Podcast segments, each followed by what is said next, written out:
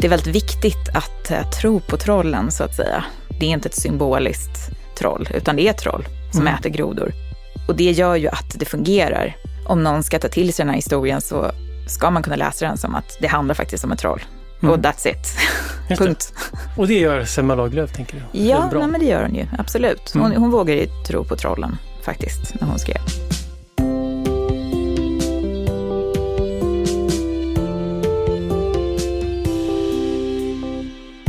När man tänker på skräck så tänker man ofta på spöken och monster. Men kanske borde man lika mycket tänka på barn och föräldrar.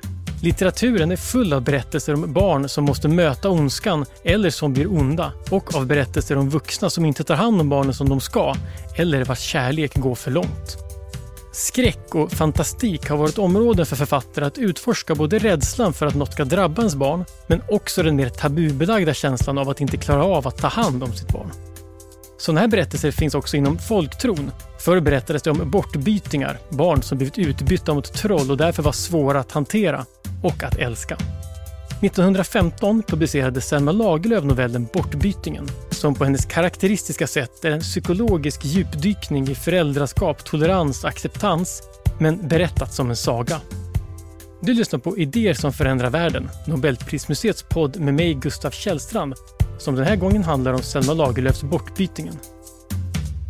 Med mig för att prata om den så har jag Sara Bergmark Elfgren. Välkommen! Tack så mycket! Och apropå bortbytingen som vi ska prata om. Om vi börjar där, vad, vad handlar bortbytingen om?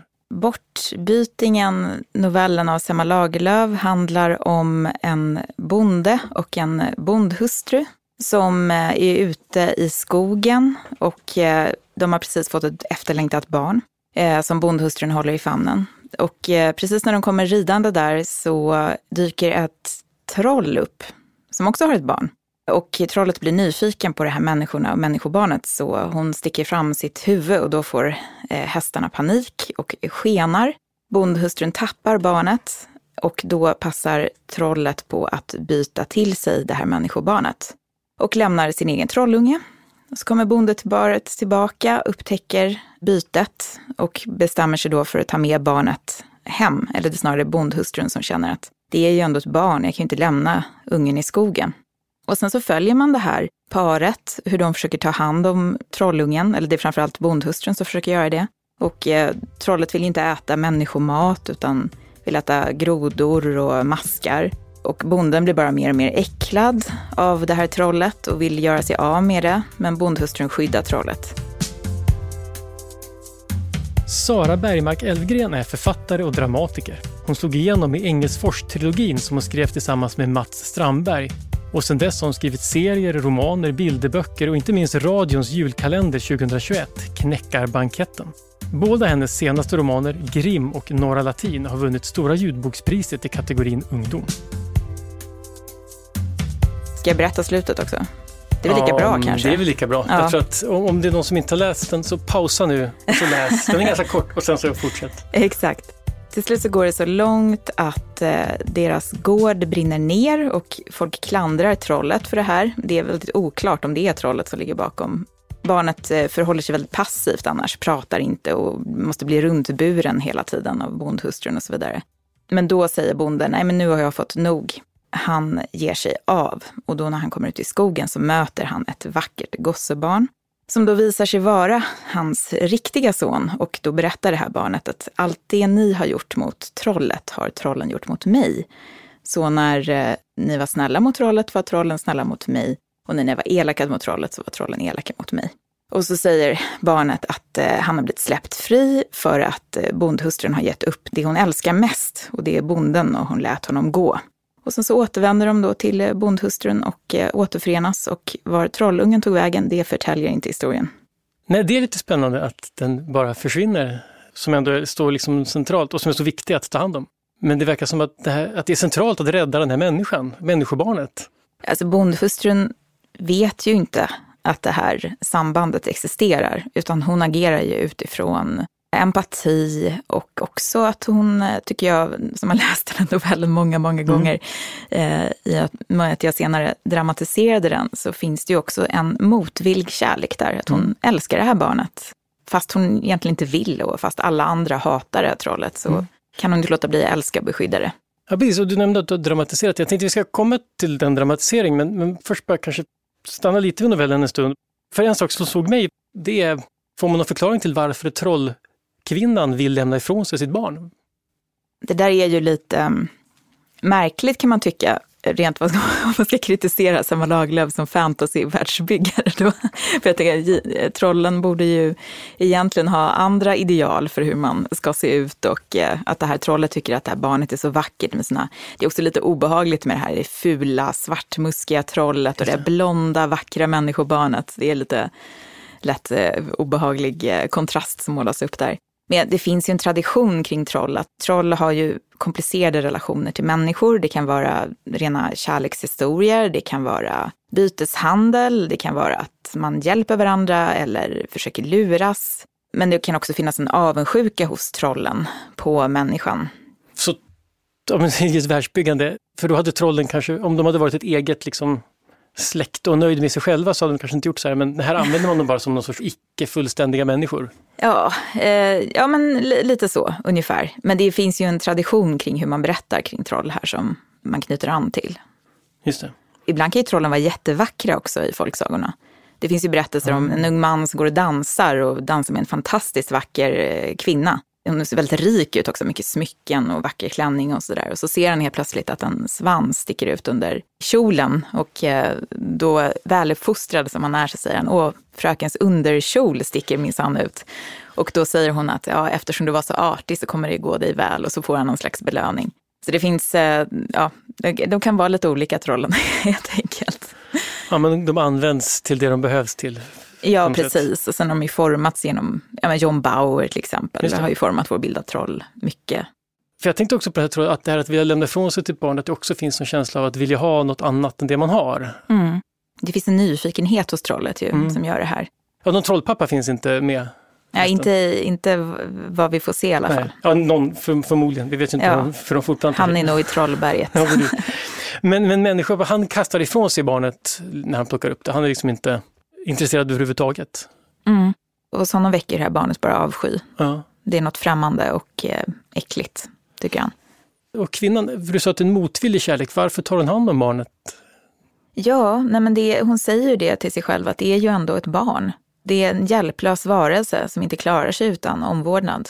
Och eh, hon eh, ser att hon kan ge den här omvårdnaden och det blir, uppstår ett band också då mellan henne och trollungen. Mm. Det finns också en scen precis i början, för då ska slå trollet, eller hur?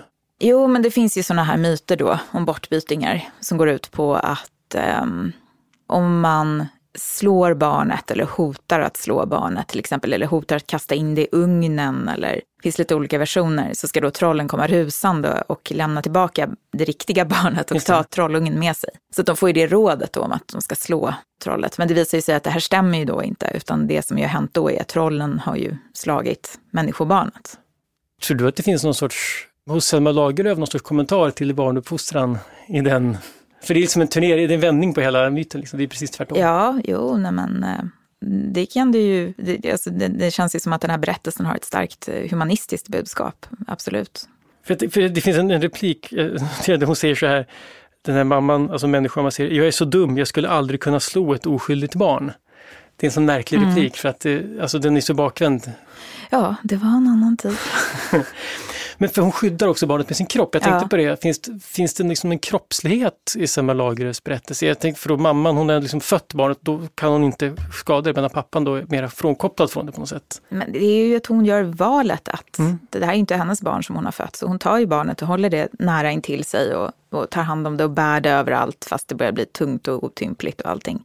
Så hon tar ju på sig det här den här bördan, om man ska säga, men i och med att hon gör det så uppstår det ju också ett band och en den här, en sorts eh, ja, men en kärlek. Mm. En, en, kärlek som inte går att nämna riktigt heller. Alltså det, är, det är ganska, det är även eh, bonden och bondhustrun har ju faktiskt en, det beskrivs som att de har en väldigt djup och kärleksfull relation från början, som ju också då prövas verkligen av det här, av den här situationen och deras totalt olika inställningar. Att det slår in en kil mellan dem. Men deras kärlek är också, den är ju inte verbaliserad direkt, utan den är mer, den finns där. Och bonden vill ju, han vill ju på något sätt lämna sin hustru. Han, han brottas ju med det under hela berättelsen fram tills att han faktiskt gör det. För han ser ju det här som en, en börda bara och en mm. statusförlust och folk eh, hatar ju det här trollet runt omkring. Pigor och drängar och grannar och han har ju inget ansvar som han ser det. Han skulle ju kunna gå lika gärna, men han älskar henne så att han, eh, han eh, håller sig kvar och, eh, på grund av den orsaken. Men när pappan träffar sin son, den riktiga sonen, så säger han, om jag minns rätt, till sonen att mam, din, alltså din mamma älskar inte dig utan bara bortbytingen. Eller så säger han det kanske bara till henne. Mm. Men han mm. säger att mamman inte älskar sin son längre, utan bara älskar bortbytingen. När mamman då istället för att slå ger kärlek till bortbytingen. Ja, det blir lite speciellt också när, när det stipuleras just att det som hon faktiskt älskar högst är bonden och inte sin son egentligen. Eller bortbytingen för den delen, utan det är eh, när hon ger upp det hon älskar mest, då är det faktiskt eh, hennes man. Ja, det tycker jag känns oväntat i slutet, att det, för det hade, det hade man liksom inte, jag såg inte det komma, att, att det skulle frigöra det hela. Så hade, så hade man kanske inte skrivit i modern berättelse heller. Idag skulle det vara naturligt att det är så här, nej men det är barnet som man älskar mest såklart, och inte ens partner då. Å andra sidan, i, om man tänker på, den är i och för sig några år senare, men Kejsaren av Portugalien så är det ju väldigt tydligt att det handlar ju väldigt mycket om alltså fader, faderns kärlek till barnet som trotsar liksom allt förnuft. Så, att, ja. så på, jämfört med den känns det här som en, det känns lite som en nödlösning att hon måste, sen Magda måste hitta något sätt att få, till, att, att, få trollen att överge men han eh, anses ju också som lite märklig just för att han ja, älskar sin dotter så otroligt mycket. Jag menar idag skulle han bara ha en pappapodd och alla skulle tycka han var normal. Förlåt. Just det. Selma Lagerlöf fick sitt stora genombrott med Gösta Berlings saga från 1891. En bok som tillsammans med Heidenstams diktsamling Vallfart och vandringsår ofta pekas ut som början på en ny riktning inom den svenska litteraturen. Man rörde sig bort från 80-talets realism och mot ett mer fantasirikt och livsbejakande berättande. Det övernaturliga och sagolika spelade en stor roll i Lagerlöfs författarskap. Men samtidigt var det ett sätt för kritikerna att avfärda henne. För även om hennes författarskap ända sedan hon levde har varit både hyllat och inte minst folkkärt, till skillnad från till exempel Heidenstam så både var och är hon en läst författare så beskrevs hon i samtiden ofta som ett slags naturbarn som mer förmedlade folktrons berättelser än skapade egen litteratur. Den där bilden finns delvis kvar idag, men i nyare biografier över henne, inte minst Anna-Karin Palms Jag vill sätta världen i rörelse, framträder en bild av en författare som var väl medveten om hur hon skrev och som tog både intryck av och spjärnade emot och influerade idéströmningar i sin samtid. Ja, men det är väl många som talar om eh, bortbytingar på det sättet, eh, myten och liksom i eh, sägner och så, att det är kopplat till människors upplevelse av att få ett barn som som man idag kanske skulle säga hade en diagnos till exempel, eller en, någon slags funktionsvariation. Um, och um, att man förklarade det på det sättet att det här var ett barn som, var, ja, som inte var riktigt mänskligt helt enkelt. Men tycker du att, att för, för det, det, det kanske är liksom en modern läsning av Selma Lagerlöf, det är ju lätt att göra för hon känns modern på något sätt. Men när du läser den här, upplever du att bortbytingen, finns det liksom något modernt i det? Eller ser du mer det traditionella eller sagolika i det? Jag vet inte om jag nödvändigtvis ser saga och, modernitet som en skarp motsats, utan det är väl snarare, tänker jag, just att hon berättar det som en saga som gör att det går att och eh, relatera till den, både utifrån hennes tid och när hon berättar den och också de eh, berättelsetraditioner som hon ju utgår ifrån. Hon tar ju bortbytingen, myten och gör någonting eget av det. Så att hon har ju med sig lager av tidig, liksom, tidigare muntliga berättelser som hon lyfter in i det här och så skriver hon sin version av det. Så det går ju att läsa både som en bortbyting-berättelse och så, så Selma Lagerlöf-verk och sen så, men i och med också att hon skriver det som en saga så går det ju också att lägga in egna betydelser i det här och läsa det med de moderna glasögon som man har. Men det är just för att, det tänker jag också, det är en sak som jag ofta hävdar just när man pratar om fantastik och så, att det är väldigt viktigt att uh, tro på trollen så att säga. Alltså just att man måste skriva, hon skriver ju berättelsen, ja det är faktiskt ett troll. Det är inte ett symboliskt troll, utan det är ett troll som mm. äter grodor. Och det gör ju att det fungerar om man kan läsa den symboliskt. Jag tycker ett, ett problem hos många, vad ska man säga, icke-fantastikförfattare mm. som kanske inte skriver det från början, som ska in och skriva i genren, är att de fastnar i någon slags, det här står för det här och det här symboliserar det här, så blir det bara väldigt platt. Mm. Och jag tycker väldigt mycket är så i skräckfilm till exempel idag, att man har en, mm, det är ju ett monster, men det är faktiskt en symbol för en sorgeprocess. Och sen så gör man det superövertydligt så det finns ingen undertext. Just Och det blir bara jätteplatt och tråkigt, upplever jag. Utan att man går in och skriver de här genrerna så måste man tro på troll. Man måste berätta det som att om någon ska ta till sig den här historien så ska man kunna läsa den som att det handlar faktiskt om ett troll. Och that's it. Just det. Punkt. Eh, Och det gör Selma Lagerlöf, tänker du? ja, nej, men det gör hon ju. Absolut. Hon, hon vågar ju tro på trollen faktiskt, när hon skrev. Ja. Hur kommer det sig att du skrev en dramatisering, eller gjorde en dramatisering? Mm. Eh, jag fick en förfrågan från Dramaten.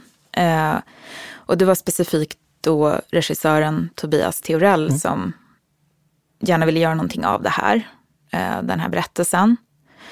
Eh, och det skulle då vara en eh, familjeföreställning, vilket betyder från ja, barn och uppåt, inget tak liksom. Och då läste jag om novellen. Jag hade läst den för jättelänge sedan då. Pjäsen hade premiär 2019, så det kanske var omkring 2017 eller något sånt där. Så jag läste, läste om novellen och så, och så tänkte jag, jaha, okej, hur, hur gör man det här? För den har ju ett sånt föräldraperspektiv. Novellen är ju berättad ur föräldrarnas perspektiv och bortbytingen har ju inget. Ja, den pratar ju knappt. inte. Jag sitter och äter sina grodor. Liksom. Exakt, och sen kommer barnet på slutet och eh, har en liten frejdig dialog med pappan. Men annars så har den ju inte ett barnperspektiv. Eh, Så att jag tänkte att det första som jag ville göra var att eh, ja, låta den handla om bortbytingen. Det är han som är huvudpersonen. Eh, Och eh, också göra honom äldre. Jag ville ge honom möjlighet att ha agens. Ett litet barn kan ju, har ju ingen makt alls över sin omgivning. Och också tänkte jag rent publikmässigt att det kanske skulle passa bättre också med lite äldre huvudperson. Om man ska ha det i barnperspektivet. Ja, men jag, jag vet inte, det var många orsaker. Så tänkte jag på det här också med att vara troll och känna sig utanför och att det finns någon slags äckel i beskrivningarna kring det här trollbarnet och det här äcklet man kan känna över sig själv så när man hamnar i puberteten. Och, ja, det fanns mycket där som jag tyckte var intressant. Så att jag tänkte att han är kanske 13, typ. Ja, just också det här att, han, att det börjar bli så tydligt också. Han är inte ett litet barn längre. Det har ju funkat så länge han var ett litet barn för bondhustrun att ta hand om honom. Men nu är han snart inte det längre. Och eh, vad händer då? Jag tyckte det var spännande. Och, ja, precis, för att, och, men, men det, för, att föräldrarna finns ju fortfarande kvar, men, men de är, eh, ganska plågade i pjäsen. Ja, nej, men det är de ju i novellen också. jo, de är, de är plågade. Det här har ju pågått länge. Eh, och eh, han pratar inte och han äter sina äckliga djur och eh, sitter i ett hörn. Och eh, ehm, de börjar, bonden börjar bli desperat. Och bondhustrun saknar ju sitt eget barn, men hon har ju den här relationen till bortbytingen också. Hon älskar ju honom på sitt sätt. Men så tänkte jag så här att det måste komma in en ny faktor också i bortbytingens eh, liv, någonting som förändrar, förutom hans egna processer. Han pratar inte med föräldrarna i din pjäs heller? Eller, ja, i nej, början i alla fall. I början gör han inte Nej. det. Han, och där är mer att, jag gjorde det då som att han faktiskt låtsas vara stum. Men Mm. att han går iväg själv och när han är ensam så pratar han för sig själv och då berättar han just också så här, historier om hur han önskar att hans liv var. Att han var, att han var det älskade barnet och att han var fin. Och, Det är väldigt sorgligt. Ja, det är väldigt sorgligt. Ehm, och då så, och då tycker jag att det var intressant just att eh, det jag försökte göra, göra var ju till dels att jag, jag insåg att jag kommer vara tvungen att bygga vidare på det här. Jag ville använda jättemycket av Selma Lagerlöfs text som jag tycker är jättevacker. Och också ha den, vad ska man säga, smaken, den här sagosmaken och också det här det mer ålderdomliga språket och så. Så jag, jag läste väldigt mycket Selma Lagerlöf, jag läste hennes andra berättelser och försökte jag vet inte, bara på något sätt eh, doppa ner mig själv i någon slags Selma Lagerlöf-bad. Jag hämtade lite andra influenser och sen försökte liksom komma in i språket. Så inte för att jag tror att jag kan skriva likadant, men i alla fall att det ska kunna smälta ihop på ett, eh, på ett sätt som man inte blir störd. Var mitt börjar och hennes slutar på något sätt. Eh, För att hon bygger vidare på de här sägnerna, då kan ju jag bygga vidare på det hon har gjort. Och så tittade jag också på fler myter om bortbytingar. Och så tänkte jag, och så kom jag tänka på mylingen som ju är ett annat, eh, vad ska man säga, oönskat barn i eh, svenska sägner. Ja, precis. För en myling är inte bara ett spöke, utan den har blivit mördad. Precis. Det här kommer ju från att det var ju oerhört många barn eh, som dödades av sina mödrar. Och det berodde ju på, ja, på hur samhället såg ut. Att du kunde inte föda ett eh, utomäktenskapligt barn och eh, få ha kvar din roll i samhället. Eller så kunde det vara desperation att de kanske redan hade sju barn och svalt. Mm. Och då finns det, de här historierna är ju väldigt hemska för de går ju ut väldigt mycket på att den här kvinnan inte ska komma undan sin skuld. Och man kan ju se det som ett uttryck för en skuld som man inte kan bli kvitt känslomässigt. Men det finns ju också något bestraffande i de här berättelserna om mylingar ofta. Att till exempel det finns någon historia om en kvinna som ska gifta sig sen, eh, flera år senare. Och eh, när hon eh, dansar då på en dansbana eh, så kommer det upp en eh, varelse eller någon slags yngling och börjar dansa med henne. Och det mm. visar sig att det är det här döda barnet. För att eh, barnet visar sig i den ålder som det skulle ha varit. I vissa av de här myterna i alla fall. Mm. Och så dansar hon, det här barnet henne till döds då. Okej. Okay. Ja.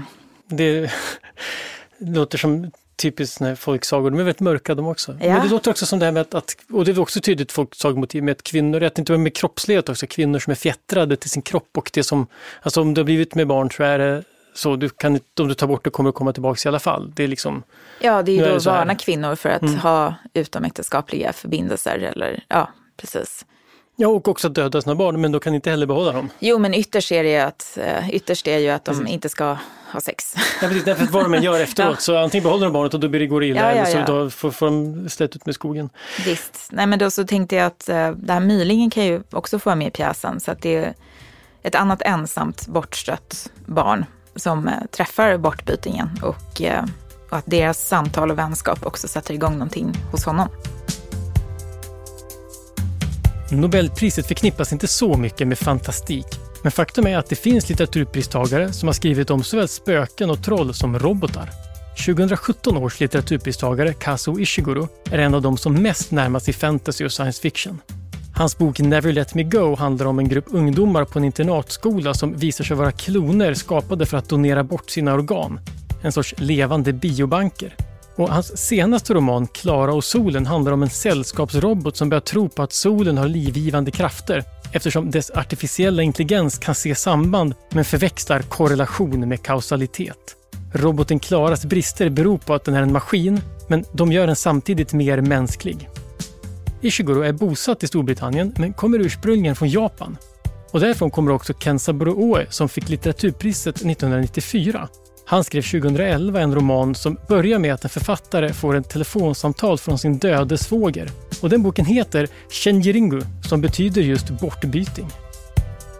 Och sen är det ju också så med mylingar att de, eh, eh ett sätt att ge dem frid är att ge dem ett namn. Eh, och det kan ju vara då att om, man är då inte den här olycksaliga modern och blir hemsökt av en myling som kanske kommer och spökar för en så ska man då kunna ge mylingen sitt namn. Man kan, mm. ge, man kan ge mylingen sitt eget namn. För att den ska eh, bli fri då, för de är odöpta de här barnen. Och det ironiska här är att bortbytingen har ju inget namn. Han har aldrig fått något namn. Så att eh, hon kan ju inte få hjälp av honom på det sättet heller, för att han har inget namn. Han heter ingenting. Det är, väldigt, det är väldigt snyggt. Men är han om, om man ger barnen sitt namn, kan man råka illa ut då? Det känns ju som att det borde kunna vara så, men jag, jag, nu är inte jag så djupt insatt så jag ska säga att jag läst alla myter om mylingar, men inte vad jag har stött på i alla fall. Nej, men om man har läst lite fantastik så känner man att det där ska man vara lite försiktig med att ja, ge bort sitt namn. sitt namn är ju, det är ju väldigt laddat till exempel i berättelser om älvor och sådär. Mm. Eh, och andra väsen, att man ska vara jätteförsiktig med att säga vad man heter. Eh, men, eh, men det här verkar gå ifrån regeln lite. Men, men för hon är lite hård och eh, lite cyniskare och tuffare. För, Myle, för, för, för trollet, han är ganska... Eh, jag vill inte säga, men han är lite romantisk kan man väl säga. Mm. En drömmare på något sätt. Han är ganska mjuk och ja, ja en, en, mjuk person ändå. Liksom. Och, ja, men hans personlighet är så tänker jag. Att han... Och också vacker. Jag tänkte på när man ser pjäsen, den, den eh, eh så är han ju, alltså, och det är väl det är väl en kombination. Var, var det meningen att han skulle vara så snygg? För han ser väldigt cool ut. Alltså han är snyggt klädd, svansen snygg och han ser liksom häftig ut med kängor och lite gotrocken nästan. Ja, ja, nej men han... Eh, eh, Ja, nej men alltså det var väl inte så att åh, vi ska ha en snygg skådis i den här rollen, utan det var ju... Nej men styling, stylingen. Eh, ja, nej men det är väl lite det här subkulturella mm. utanförskapet, absolut. Eh, att det finns en sån parallell som Magdalena Åberg då, som gjorde scenografi och kostym, lyfte fram där. Eh, och det var ju någonting vi hade pratat också om innan. Att vad är ett, vad är ett troll? För det som händer i min version, det är ju då att eh, gården brinner ner och det är en olycka, en olyckshändelse. Och det är inte trollets fel, utan det är faktiskt bonden som är full och försöker slå mm. trollet som lyckas sätta igång den här branden. Det var ju väldigt häftigt i den här uppsättningen då. Vi hade riktig eld också som wow. flammade upp. Alla skrek som satt på första bänk alltid. Ja. Um, och då blir bondhustrun helt, hon blir helt apatisk efteråt. Och då bestämmer sig trollet för att uh, han ska, Myligen försöker få honom att ge sig av, men han bestämmer sig för att nej, nu ska jag, det här är ju faktiskt mitt fel. Allt det här är mitt fel och det är bara för att jag inte kan vara den de vill ha. Så då han bestämmer sig för att försöka bli det barnet. För det var också en sån här aha-upplevelse jag fick när jag läste novellen. För att jag insåg att den kan inte sluta, jag ville inte att den skulle sluta som, jag ville att det skulle fortsätta. Mm. Jag ville gärna att han skulle försöka komma tillbaka till trollen till exempel och så. Och då, men jag fick någon känsla när det här barnet dyker upp i skogen av att det finns något nästan lite teatralt i det här barnet talar till sin fader. Alltså det är liksom väldigt sådär. Eh, och så tänkte jag, men tänk om det är bortbytingen som har klätt ut sig till mm. barnet. Så att han, han skär av sig svansen och han klipper av sig håret och eh, försöker göra om sig då till det här barnet. Och bonden ser på något sätt det han vill se. Eh, och ser det här som att det är hans eh, älskade son som återkommit då. Och bortbytingen vill ju förstås få ihop mamma och pappa igen. Eh, så att han säger ju att hon älskar dig, det är därför hon har offrat så mycket. Och och hon har gjort rätt hela tiden ja. dessutom. För att de har, ja, det är han som hittar på det här sambandet. Att det mm. ni har gjort mot mig har trollen gjort mot mig. Det är bortbytingen själv som hittar på det i min version då. För att han vill lyfta fram att du ska inte, du ska inte skjuta bort henne utan du ska älska henne och hon har gjort rätt. Och nu är vi tillsammans allihop och det är tack vare henne. Men det som händer då är ju att um, Eh, bondhustrun är ju helt, hon, det blir hon som är stum istället efter det. För att hon, hon, blir, det finns, hon är liksom apatisk och hon ser ju också att det är bortbytingen som är tillbaka. Och bortbytingen upptäcker ju också att han kan inte upprätthålla den här charaden. Det går inte liksom att trycka ner den man är. Och då bestämmer han sig för att ge sig av till trollen istället mm. och försöka hitta ett hem där. Och det blir ganska komplicerat. Och då, för att återkoppla då till det här, så, men vad är ett troll och vad står trollen för? Och det, även om det, jag skriver det som att det är troll, så något slags idé om vad det är för kontraster. Då tänkte jag att ja, men, människorna så är det ju det här med eh, eh, det kollektiva och eh, familjen och kärlek som vi känner den i alla fall. Medan, eh, alltså, och, och liksom för och nackdelar med det man ska säga. Medan trollen mer då är Eh, Eh, det är någon slags hyperindividualism och eh, ensam är stark och eh, att de har ganska hård stämning. Att de har band och väl något slags kärlek på sitt sätt, men det är ganska också beroende på precis som i människovärlden också, är du tillräckligt bra troll? Mm, uh, och att, också, att det faktiskt visar sig också som att den här trollmamman har faktiskt lämnat ifrån sig barnet för att hon tyckte att han var svag. Det här var en svag unge. Så han borde ha passat åt bättre hos människorna? Ja, precis. Och han gjorde ju det på sätt och vis också. Förutom att de inte såg det? Nej. För att de var annorlunda? Ja, och uh, så att jag, jag tänkte mycket på med trollen. Dels tänkte jag på den här uh, filmen The, Lob The Lobster mm. av Jorgos Lantimos. Ja. Som är ju väldigt bra, som jag ska inte spoila. Men då finns det i alla fall, man kan väl säga att det finns eh, slags individualister som lever ute i skogen där också. Eh, och, och sen tänkte jag på eh, den norska black metal-scenen. Mm. Att det finns liksom vissa liknande ideal som man lyfter fram där i scenen när den eh, ideologiserades på 90-talet just där hyperindividualismen och styrka i sig själv också, ett intresse för det här fornnordiska troll väldigt mycket. Mm. Så här, vissa har varit väldigt intresserade av troll i den scenen. Um, så vi hade, ju, vi hade ju, eh, som det nog hörs, väldigt mycket samtal tidigt i processen. Mm. Och det var ju därför också som alltså det var väldigt rolig föreställning, en väldigt rolig uppsättning att arbeta med just för att vi var så synkade eh, i, visions, i visionerna tidigt. Men för den där skogen är spännande, för du ser det finns i den där scenen och den norska black metal, de älskade ju Sagan om ringen och skogar och sånt där. För det finns ju också både i Selma Lagerlöfs novell och i pjäs, alltså skogen finns vid sidan av och det är liksom något mörkt och farligt. Ja. Där myglingen finns, där man kan sätta ut folk och bara försvinna och dö. Liksom. Den där skogen spelar en ganska stor roll som något, något annat utanför. Eh, exakt. Och att välja, att välja det mörka och välja det som de andra människorna fruktar, det är också, apropå då black metal-scenen och så. Mm.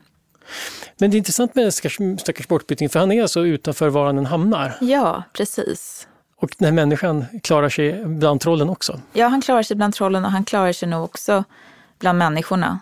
Men det, bortbytingen har ju en mycket svårare väg och den är ju att han måste ja, hitta sin egen väg helt enkelt. Och det gör han ju i slutet också. Mm. Att han hittar en, vad ska man säga, ja, börjar kanske bygga upp en egen familj eh, med Mylingen. Och inte så att de blir ett par, men mer det här att man har man otur eh, när det gäller vilken familj man föds in i och vem man är och hur det stämmer överens eller kanske snarare inte stämmer överens med vad den familjen har för förväntningar på en så måste man kanske skapa eh, sin egen familj och sitt eget sammanhang. Det är ju många människor som ju måste göra. I Det femte barnet av litteraturpristagaren Doris Lessing så skildras en familj som får enorma problem när de får ett barn som inte passar in. De fyra första barnen i familjen fungerade utmärkt men det femte är inte med i gemenskapen. Redan under graviditeten så känner mamman sig främmande för fostret i hennes mage. Lessings roman är en ganska hemsk skildring av ett problematiskt föräldraskap. Inte minst eftersom barnet, Ben, inte verkar älska sina föräldrar tillbaks. Ändå tar mamman hand om honom, trots att det gör att hela familjen lider och att pappa vill placera sonen på en institution. I uppföljaren, Ben ute i världen, skildras Bens möte med en omvärld som han inte förstår eller passar in i. Han utnyttjas av såväl brottslingar som forskare som vill studera honom. Och till sist går han under när han förstår att hans utanförskap beror på att han verkligen inte är en vanlig människa, utan en sorts äldre människotyp som kommit tillbaks av en genetisk slump. Lessings böcker om Ben kan läsas som en slags pandang till bortbytingen, där fantasyn är utbytt mot science fiction. Frågorna de ställer om utanförskap, kärlek och vad som är mänskligt är de samma, oavsett om det handlar om troll eller om neandertalare. Men bortbytingen får han ett namn? Eller tar han ger sig själv ett namn till slut. Och det visar sig att man kan göra det? Ja, han, han, för, det, för det lär han sig hos trollen, att de ger sig själva namn. Ah, vad heter han? Ja, det får man aldrig veta. Ah, okay. Nej. Men, men och möjligen får hon då samma namn? Ja, det kan man ju då utgå från att han... För hon får ju, ett namn av honom, man, eller hur? Ja, men då kan man ju undra så här, försvinner möjligen då om hon ja. får ett namn? Det, det har jag faktiskt lämnat uh, utanför berättelsens ja. ram. det kan man få fundera på. Precis, det kan nästa, nästa drama, dramaturg... Oavsett köra. om Mylingen är kvar i, eh, bland de levande eller inte så har ju bortbytingen ändå upplevt en vänskap med henne och eh, upptäckt att eh, han har kapacitet att eh, eh, bygga egna relationer, om man ska säga. Det där, jag tycker att det är den där tolkningen av bortbytingen som just att utanför vad han än är, är tycker jag väldigt fascinerande. För den mm. tillför verkligen någonting. Men också det här att han ger sig själv ett namn, han tar sitt öde i egna händer. Men det här faktumet att mamman faktiskt har tagit hand om honom utan att det finns någon så att säga, belöning för det. Det är mm. också ett sätt att det här jag tycker det finns också det här liksom nästan existentiella av att, man, att det goda är gott för att man gör rätt. Det, inte, det finns liksom inget annat. Man är fri att välja sitt öde själv och den här mamman väljer ju ändå att göra det goda. Ja, det är väl att handla i, eh, vad ska man säga, kärlekens namn och göra det som är rätt. Eh, kan, man kan ju inte göra det för att man tror att det finns en belöning som ska komma till en, mm. utan det är ju ett val man gör i enlighet med sina övertygelser kanske snarare. Men jag tänker, det var kanske lite det vi tänkte på tidigare, den här spänningen mellan modernitet och saga. Måste jag säga. Alltså med modernitet tänker jag på alltså den här målrationaliteten, att vi mm. gör saker för att nå ett visst mål. Absolut. Och det brukar man för att beskriva det som tidigare, så om man inte handlade på det sättet så handlar man utifrån, alltså Om man tänker i Sverige så var det liksom en kristen världsbild som ja. går ut på att man faktiskt ska handla, jag menar inte att det nödvändigtvis var bättre, men eftersom då satte de ut barn i skogen och sånt där. Men, men man ändå det spelar ingen roll om man lyckas eller inte, man ska handla utifrån det som är gott. Mm. Sen kanske det bestämdes på ett sätt som vi idag inte skulle uppskatta. Men det... Ja, det fanns ju gott om hyckleri och så vidare Exakt. ändå, men, men absolut. Mm. Men det är inte ett målrationellt handlande i alla fall. Nej, Eftersom om inte det var att hamna i himlen då och slippa helvetet kanske. Så, ja, precis, ja. men det är så typ, inte i protestantismen, för det nej, vet man inte. Det är nej, så, kat katolikerna mm. beskyllda för det, att de är bara målrationella. De har varit rationella hela tiden. Mm. Nej, men uh. så är det ju absolut. Och eh, det är väl lite också det här hur man lever livet och att man ska sätta upp mål och man ska jobba dit och, och så ser man ner på det här, jag tror det var Fanny Ambjörnsson som tror jag läste en artikel om just om cyklisk, det cykliska i vardagen. De här uppgifterna som man utför, inte för att det ska ge ett resultat, som att städa till exempel. Det ger ju mm. bara ett resultat precis när man har städat, sen måste man städa igen. Och att det, att det finns en, ett förakt mot de här typen av eh, sysslor idag. De kopplas ihop med femininitet och, och man vill gärna låta någon annan göra det och betala för det. Medan ju det där faktiskt också, man skulle kunna se det snarare som att det är en del av livet och eh, att det är så man lever och att det också ingår i att vara människa. Att man gör de här cykliska, ofta då omvårdande sysslorna, mm. utför dem. Strävsamheten som en eh, vän till mig brukar prata om. Det. Ja, det är också en ganska konservativ dygd, men det är, intressant. Um den här typen av, alltså, för du skriver ju inte, inte bara Selma Lagerlöf-dramatiseringar utan liksom fantastik i stort. Och, och, som du säger, när man skriver det så, vill man, så ska man förstås göra det på allvar, men samtidigt Upplever du att de här typen av stora frågor är lättare att eh, passar för den, för den genren? Ja, um, det är ju ofta en arena där den typen av frågor blir spännande att hantera i den typen av uh, dynamik som uppstår när man ställer verkligheten lite på, mer eller mindre på sniskan. Liksom. Eh, jag har ju skrivit allt möjligt från där det är bara något lite skevt till mm. Eh, Vej till exempel, som är serieromaner som jag skapat med Carl Jonsson, där det är verkligen high fantasy, som man brukar säga, att det är gudar och jättar och det är svärd och det är ja, väldigt eh, påtaglig magi och så vidare. Ja, men jag tycker det, det är väl något jag tilltalas av. Men jag kan tänka mig att det är lite så med deckare också. Alltså att det är också en sån genre där, eh, även om jag tror att folk kanske säger nu ska jag sätta mig och grunda de existentiella frågorna, mm. moraliska problem när jag läser en deckare. Kanske inte så man tänker. Men att det ändå finns också arenor där för att undersöka eh, frågor om moral och, och, och eh, Eh, och det här, vad, vad, tror jag på egentligen och hur skulle jag agera och hur långt är människor beredda att gå och så vidare. Just, är det någonting med genrelitteratur som gör det möjligt att, att rama in frågor för man har liksom en form? Ja, det är väl också kanske lite vad det är för temperatur. Men det beror också på vad man jämför med. Om man tittar på mycket av den samtida skönlitteraturen idag så är den ofta väldigt eh,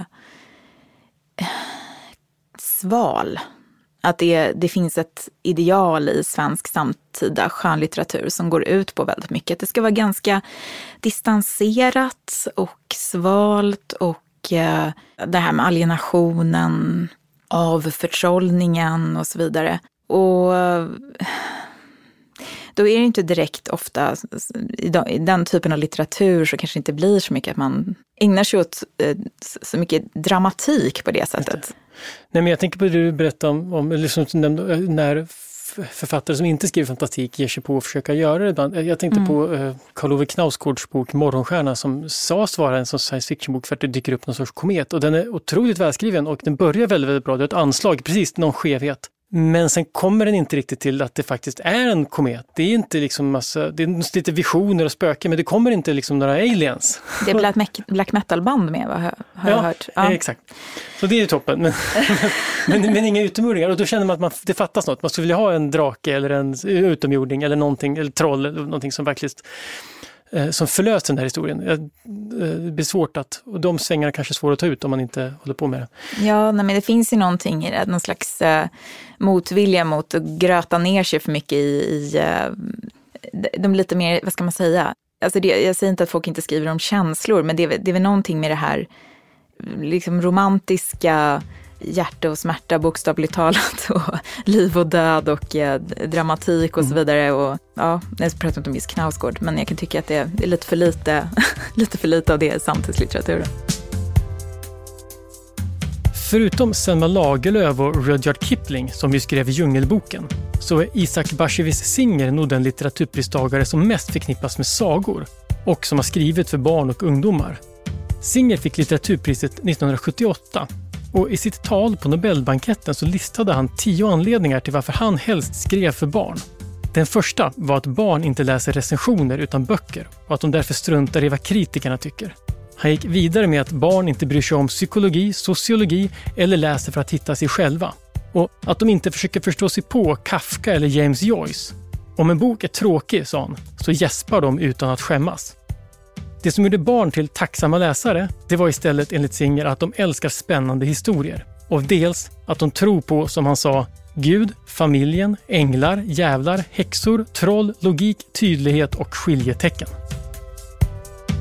Men jag, liksom, för att knyta upp det med Selma Lagerlöf igen, för det här du varit inne på nu, det här med att skriva fantastik och att ta ut svängar. Hon ju, gjorde uppenbarligen det. Och... Ja, och, och verkligen med det emotionella också. Det, jag älskar Samma Lagerlöfs eh, berättelser och eh, det är också det, en av orsakerna till att jag älskar det hon skriver är också just för att det är så stort och samtidigt så är det psykologiskt realistiskt. Det är ju som till exempel Brontesystrarna, det är också väldigt stort, men det är, det är ju inte Alltså det, de har ju skärpa, alltså det, mm. skärpan finns ju där och den psykologiska realismen finns där och det finns klassperspektiv och det finns uh, jättemånga aspekter som man kan titta på i det hela. Uh, men jag, jag tycker, jag, jag, jag, gillar det där så mycket att det, det känns som att uh, när man läser Selma Lagerlöf att hon, hon hade börjat älska berättelser för att hon ville svepas med och hon ville känna saker och hon skrev också för att gå in i de världarna på samma sätt.